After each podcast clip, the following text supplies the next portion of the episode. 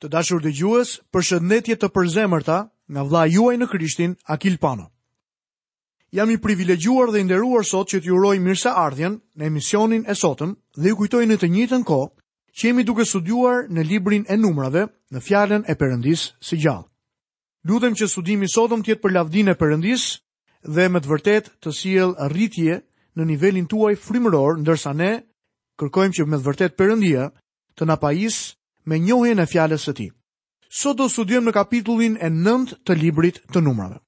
Temat e këtij kapitulli janë Zbatimi i Pashkës gjatë kohës në shkretëtirë, kolona e resë gjatë ditës dhe shtylla e zjarrit gjatë natës.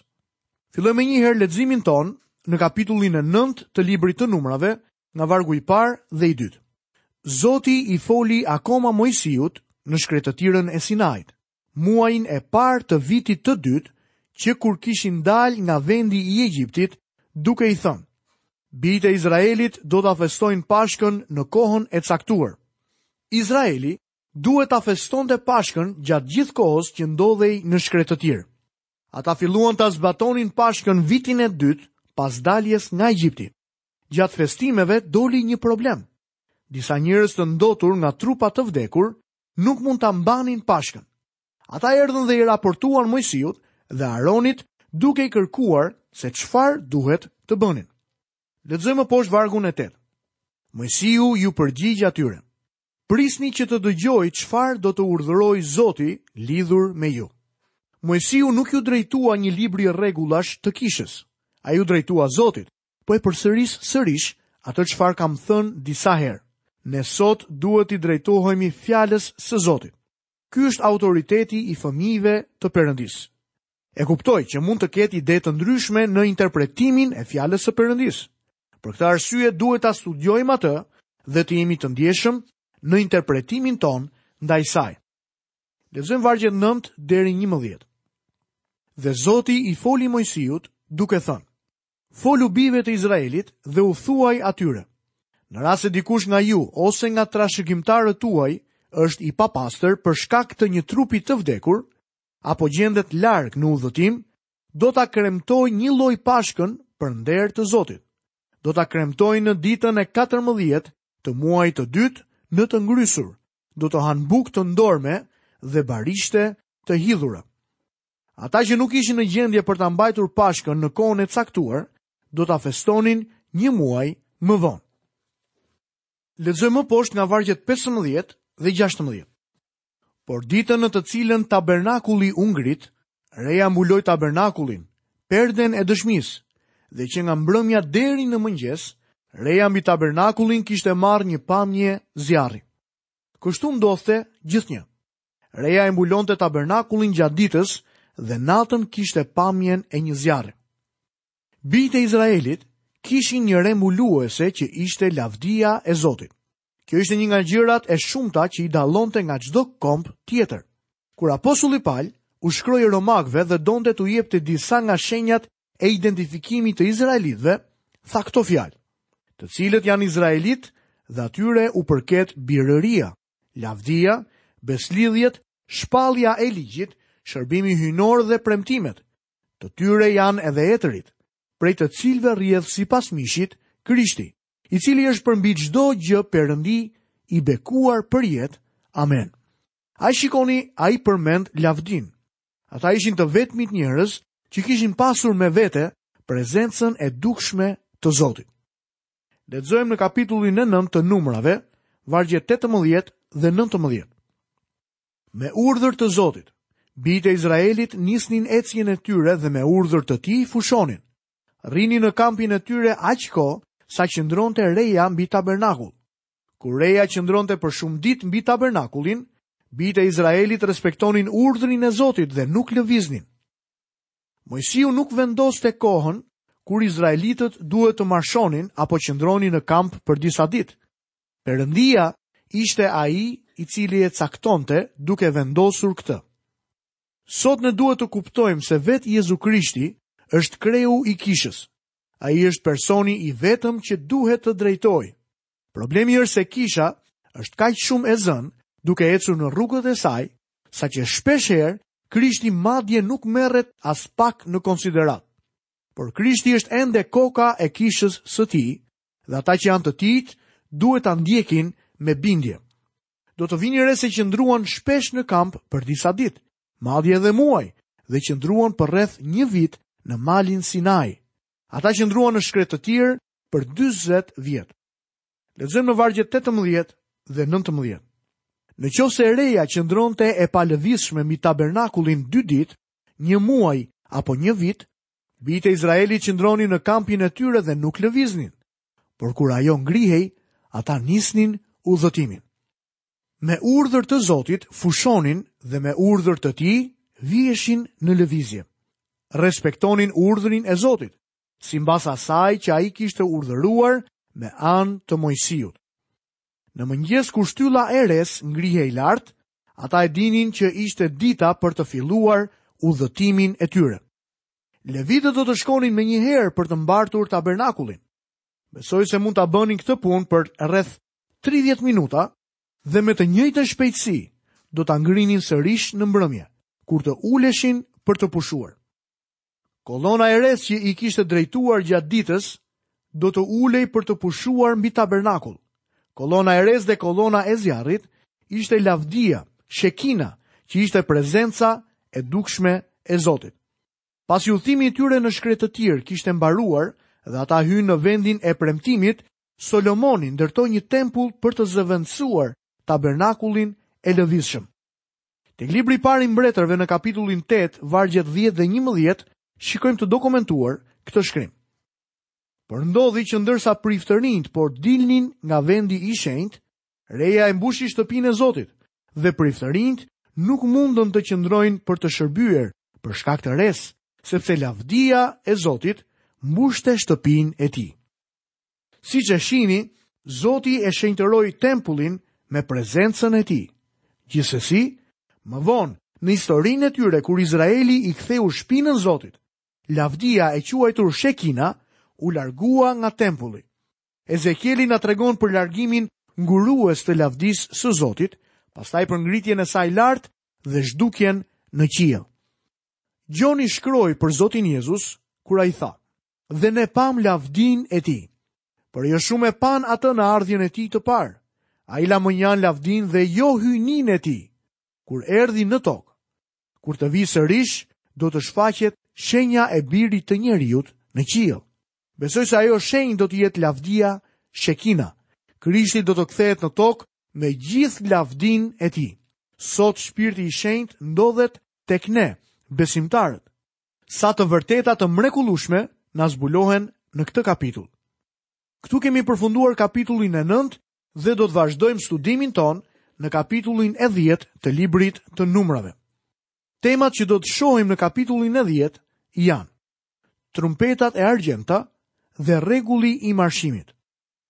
Përgatitja e fundit për marshimin është udhëzimi për bërjen e dy burive prej argjendi. Marshimi në shkretëtirë do të fillojë në vargun e 11 të këtij kapitulli. Lexojmë në kapitullin e 10 të numrave, vargu 1 dhe 2. Zoti i foli akoma Moisiut duke i thënë, bëj dy bori prej argjendi, do t'i bësh me argjend të rrahur, do t'i përdorësh për të thirrur asamblenë dhe për të lëvizur fushimet. Dyshi është numri i dëshmitarëve, Një çështje vërtetohej vetëm mbi bazën e dy dëshmitarëve. Këto dy trumpeta apo buri do të përdoreshin për të lëvizur fushimet gjatë kohës së udhëtimit në shkretëtirë. Lexojmë në vargjet 3 dhe 4. Në tingullin e të dyjave, gjithë asambleja do të mblidhet pranë teje në hyrje të çadrës së mbledhjes. Në tingullin e njërës buri prijësit Krerët e divizioneve të Izraelit do të mblidhen pranë teje. Në tingullin e njërës buri do të mblidheshin të gjithë prijësat së bashku. Kjo na tregon se do të ketë një buri të fundit edhe për kishën. Besoj se ajo buri e fundit është zëri i Krishtit dhe ajo do të jetë thirrja e fundit. Ai ka dërguar ftesa të shumta.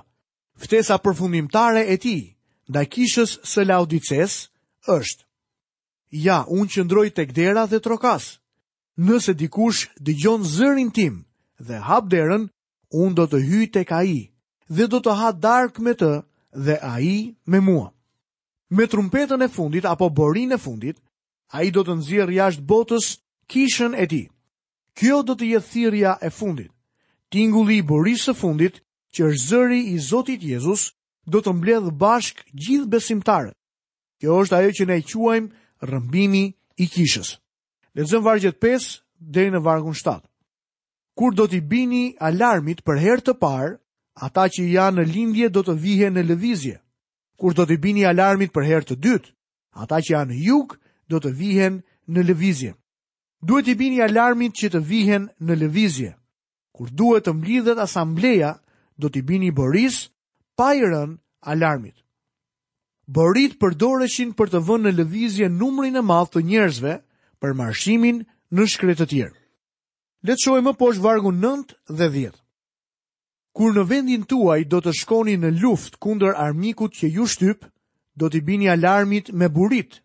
Kështu do të kujtoheni përpara Zotit, Perëndisë tuaj, dhe do të çliroheni nga armiqtë tuaj. Një tjetër përdorim i burive ishte dhe funksioni që ato kishin për të dhënë alarmin për luftë. Po kështu në ditët tuaja të gëzimit, në festat tuaja të caktuara dhe në fillim të muajve tuaj të parë, do t'u bini burive me rastin e olokausteve dhe të flijimeve tuaja të falënderimit. dhe kështu do të bëjnë që të kujtoheni përpara Perëndisë tuaj. Unë jam Zoti Perëndia juaj.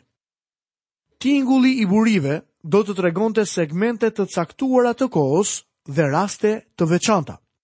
Këto buri ishin bërë prej argjendi dhe ky ishte metali i shpengimit. Ato tingëllonin thirrjen për njerëzit e shpenguar. Kjo ishte mënyra se si i vuri Zoti në lëvizje në marshimin e shkretëtirës. Ato përdoreshin për të sinjalizuar njerëzit se si duhet të marshonin në shkretëtirë. Lexojmë vargun 11 dhe 12. Por ndodhi që në vitin e dytë, në muajin e dytë, ditën e 20 të muajit, reja u ngrit mbi tabernakullin e dëshmisë dhe bijtë e Izraelit u nisën për rrugë. duke lënë shkretëtirën e Sinait. Pastaj reja u ndal në shkretëtirën e Paranit. Ata kishin qenë në malin Sinai për rreth një vit duke marrë ligjin nga Zoti. Pas dhënies së udhëzimeve për bërjen e trumpetave apo burive, tani ato ishin gati për të lëvizur. U ranë burive dhe bijtë e Izraelit filluan marshimin për në shkretëtirë. Tani jepen disa udhëzime të detajuara. Le të kthehemi për disa momente mbrapa tek plani i fushimit që gjendet në kapitullin 2. Besoj se e mbani mend se familjet e Levit fushonin rreth tabernakullit. Moisiu dhe Aroni ndodheshin në anën lindore, Merari në veri, Gershoni në perëndim dhe Kehathi në jug. Dhe përtej tyre ndodheshin 12 fiset e Izraelit. Juda, Isakari dhe Zabuloni ishin në lindje, Dani, Ashuri dhe Naftali në veri, Efraimi, Manasi dhe Benjamini në perëndim, dhe Rubeni, Simeoni dhe Gadi në jug. Një ditë herët në mëngjes, izraelitët filluan të ngrinin kampin nga fushimi, sepse shtylla e resë së lavdisë së Perëndisë u ngrit. Çdo familje filloi të paketonte gjërat e saj. Tabernakulli u lëviz. Kishte ardhur koha për lëvizjen e tyre. Çfarë bënë së pari? Moisiu dhe Aroni dhanë sinjalin për t'u rënë borive të argjenta për alarm. Kush lëvizi i pari? Familja e Kehathit që mbarte arkën lëvizi e para. Arka drejtonte udhëtimin në shkretëtirë. Po kështu, sot, Krishti e drejton kishën e tij në shkretëtirën përmes kësaj bote. Arka është një simbol i Jezu Krishtit. Kështu pra, buria e parë vuri në lëvizje arkën, Moisiun dhe Aronin. Shohim që buria bie sërish dhe Juda u largua nga ana e lindjes bashkë me Isakarin dhe Zabulonin nën flamurin e tij. Pas tyre erdhi Gershoni dhe Merari, duke mbartur pjesën e tyre të tabernakullit. Ata mbartnin gjërat më të rënda, si dërrasat, shtyllat dhe mbulesat. Pastaj trumpeta ra përsëri dhe Rubeni, Simeoni dhe Gadi dolën duke marshuar nën flamurin e Rubenit. Buritë ranë dhe kehathitët i ndoqën. Ata mbartnin të gjitha sendet e furnizimit të tabernakullit, përveç arkës, që kishte dalë para në krye të marshimit. Të gjitha sendet e furnizimit ishin të pajisura me shufra dhe kehathitët i mbartnin ato në supet e tyre. Trumpetat ranë dhe Efraimi doli bashkë me Manasin dhe Benjaminin nën flamurin e tij. Në fund, lëvizi Dani me Asherin dhe Naftalin nën flamurin e Danit. Pas tyre vinin turmat e përziera, një pjesë izraelitë dhe një pjesë egjiptas. Ata nuk dinin se ku duhet të shkonin apo të qëndronin, ata ishin të përzier. Si rezultat, ishin ushtarë që shkonin nga prapa në marshimin në shkretëtirë. Djali i ri që blasfemoi, për të cilin lexuam tek libri i Levitikut në kapitullin e njëzet e katërt dhe kishte baba egjiptas dhe nënë izraelite, ishte pjesë e këtij grupi. A e vini re se buria ra shtatë herë. Në librin e zbulesës lexojmë për rënien e shtatë burive. Ato shtatë buri janë të lidhura me bijtë e Izraelit. rënia e tyre burive apo trumpetave në periudhën e mundimit të madh do t'i lëvizë bijtë e Izraelit nga të gjithë cepat e tokës për t'i kthyer në vendin e tyre. Shumë njerëz përpiqen t'i lidhin buritë e fundit që përmenden tek letra e parë drejtuar Korintasve në kapitullin e 15 dhe vargun e 52 me burinë e fundit tek libri i zbulesës. dhe arrijnë në përfundimin se kisha do të kalojë përmes periudhës së mundimit të madh. Gjithsesi, buria e fundit që përmendet tek libri i Korintasve është zëri i birit të Perëndisë që jepet më hollësisht tek letra e parë drejtuar Selanikasve në kapitullin e 4 dhe vargun e 16, në të cilën apostulli Pal na thotë: Sepse Zoti vetë, me një urdhër, me zë kryeengjëlli dhe me borinë e Perëndisë, do të zbresë nga qielli. Zëri i tij është si zëri i një kryeengjëlli dhe si zëri i borisë. Ne e dimë këtë sepse tek zbulesa kapitulli 1, vargjet 10 dhe 11, apostulli Gjon na shkruan. Isha në frymë ditën e Zotit dhe dëgjova pas meje një zë të madh si nga një bori që thoshte: Unë jam Alfa dhe Omega, i pari dhe i fundit. Kë pa apostulli Gjon kur u kthye të shihte atë që i kishte folur? Krishtin e lavdishëm, kryepriftin tonë më të lartë. Zëri i tij është si një bori, Zëri i tij do të ngrejë të vdekurit dhe do të shndrrojë trupat e vdekshëm të atyre që do të jenë gjallë kur ai të vijë për kishën e tij. Tingulli i borisë për kishën është zëri i birit të Perëndisë. Boritë janë të lidhura me bijtë e Izraelit. Boria i bëri ata të lëviznin në marshimin e shkretëtirës. Do të jetë sërish boria që do t'i sjellë ata nga shkretëtira e botës përsëri në vendin e tyre. Tani lexojmë vargun e 29 të kapitullit të 10 në librin e numrave. Por Moisiu i tha Hobabit, birit të Reuelit, Madianitit, vjerri i Moisiut. Ne po vihemi në marshim drejt vendit për të cilin Zoti ka thënë, unë do t'jua jap, eja me ne, dhe do të të bëjmë të mira. Këtu kemi të regjistruar një ngjarje me vjerrin e Moisiut dhe ftesën që Moisiu i bën atij. Kjo mund të aplikohet edhe për kishën. Ne jemi të huaj dhe shtegtarë në këtë tokë sot. Ne jemi këtu në një shkretëtirë, por jemi përgjatë rrugës së prezencës së Zotit Jezu Krisht. Ftesa jonë duhet të jetë e njëjtë me atë që Mojsiu bëri. Eja me ne. Nëse nuk je një bir i Perëndisë, me anë të besimit tek Jezu Krishti, ti mund t'i bashkohesh këtij grupi. Ndërsa ne marshojmë, është diçka e mrekullueshme të shkosh në prezencën e Zotit Jezu Krisht. Ne nuk jemi një grup që marshon, sepse nuk ka më të mirë se ne. Nëse e sheh veten si mëkatar dhe ke nevojë për një shpëtimtar, kthehu tek Jezu Krishti me besim dhe besoji atij gjithçka. Bashkohu me ne në këtë marshim, në pelegrinazhin tonë. Ky nuk është një marshim proteste, Ky është marshimi i shpëtimit, një marshim shpengimi. Ky është marshi që po shkon në Sion, jo tek ai tokësori, por tek Sioni qiellor, qyteti i Jeruzalemit që do të vijë nga Zoti, i stolisur si nusja për dhëndrin. Lexojmë poshtë vargun e 30. Hobabi iu përgjigj: Unë nuk do të vij, por do të kthehem në vendin tim tek të afërmit e mi. Tani Mojsiu fillon të flasë dhe ndoshta nuk duhet ta kishte bërë këtë. Hobabi, vjehrri i tij, nuk donte të shkonte me ta. Ai donte të kthehej në shtëpi. Kështu që Mojsiu iu përgjigj. Lexojmë vargun 31. Atëherë Mojsiu i tha: Mos na lër, sepse ti e di ku duhet të fushojmë në shkretëtirë dhe ti do të jesh si sytë për ne. Pikërisht në këto momente dua t'ju them se nuk e kuptoj Mojsiun. Perëndia ia kishte bërë të qartë Mojsiut se kolona e resë ditën dhe shtylla e zjarrit natën do t'i drejtonte ata dhe arka do t'i ndiqte. Të dyja këto i referohen Krishtit. Ai është udhëheqësi. Tani Mojsiu i propozon vjehrrit të tij se ka nevojë që ta drejtojë. Plaku i vjetër ishte rritur në shkretëtirën e Medianit. Ai ishte një medianit dhe e njihte mirë atë zonë. Jam i sigurt që ai mund të kishte qenë një ndihmë e madhe, por megjithatë, ata nuk duhet t'i mbanin shpresat në mënyrat njerëzore. Ky burrë i vjetër nuk e dinte rrugën që donte Zoti që ata të shkonin.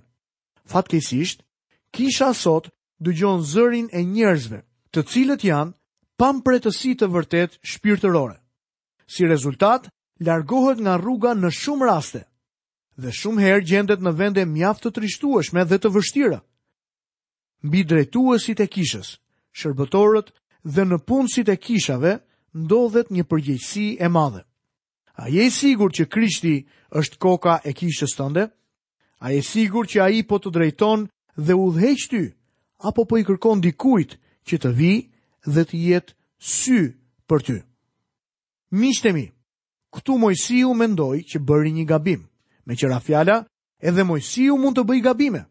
Ai ishte mëkatar si ne të gjithë. Gjëja interesante është se e shkroi këtë, kështu që regjistroi edhe gabimet e veta. Kam frikë se nëse ndonjë nga ne do të bënte gabime të tilla, nuk do t'i përmendnim. Lexojmë më poshtë vargjet 33 dhe 34. Kështu u nisën nga mali i Zotit dhe ecën tri ditë, dhe arka e besëlidhjes së Zotit shkoi para tyre gjatë një udhëtimi prej tri ditësh, për të gjetur një vend ku ata të pushonin. dhe reja e Zotit qëndronte mbi ta gjatë ditës kur niseshin nga kampi. Tani ata janë në rrugën e duhur, Perëndia është ai që po i drejton. Vetë Perëndia po kërkon për vendin. Nuk ishte e nevojshme që vjehrri i Mojsiut të kërkonte për ta. Lexojmë vargun 35 dhe 36. Kur nisej arka, Mojsiu thoshte, Çohu o Zot, me qëllim që të shkatërrohen armiqtë e tu dhe të ikin me vrap para teje ata që të urrejnë. Dhe kur ndalej, thoshte, kthehu o Zot pranë morisë së madhe të njerëzve të Izraelit. Me sa duket Mojsiu e ndoqi këtë ritual lutjeje çdo mëngjes dhe çdo mbrëmje, kur ata ndodheshin përgjatë marshimit në shkretëtirë. Të dashur miq, ka ardhur koha që të ndalemi dhe ne së bashku me të gjithë izraelitët në pelegrinazhin e tyre në shkretëtirë, por ne do të ndalemi këtu për të vazhduar studimin tonë në emisionin e ardhshëm. Nga vëllai juaj në Krishtin Akil Pano, paçi të gjitha bekimet e Perëndisë dhe paqen e tij në jetën tuaj. Bashkë mirudëgjofshim në emisionin e ardhshëm.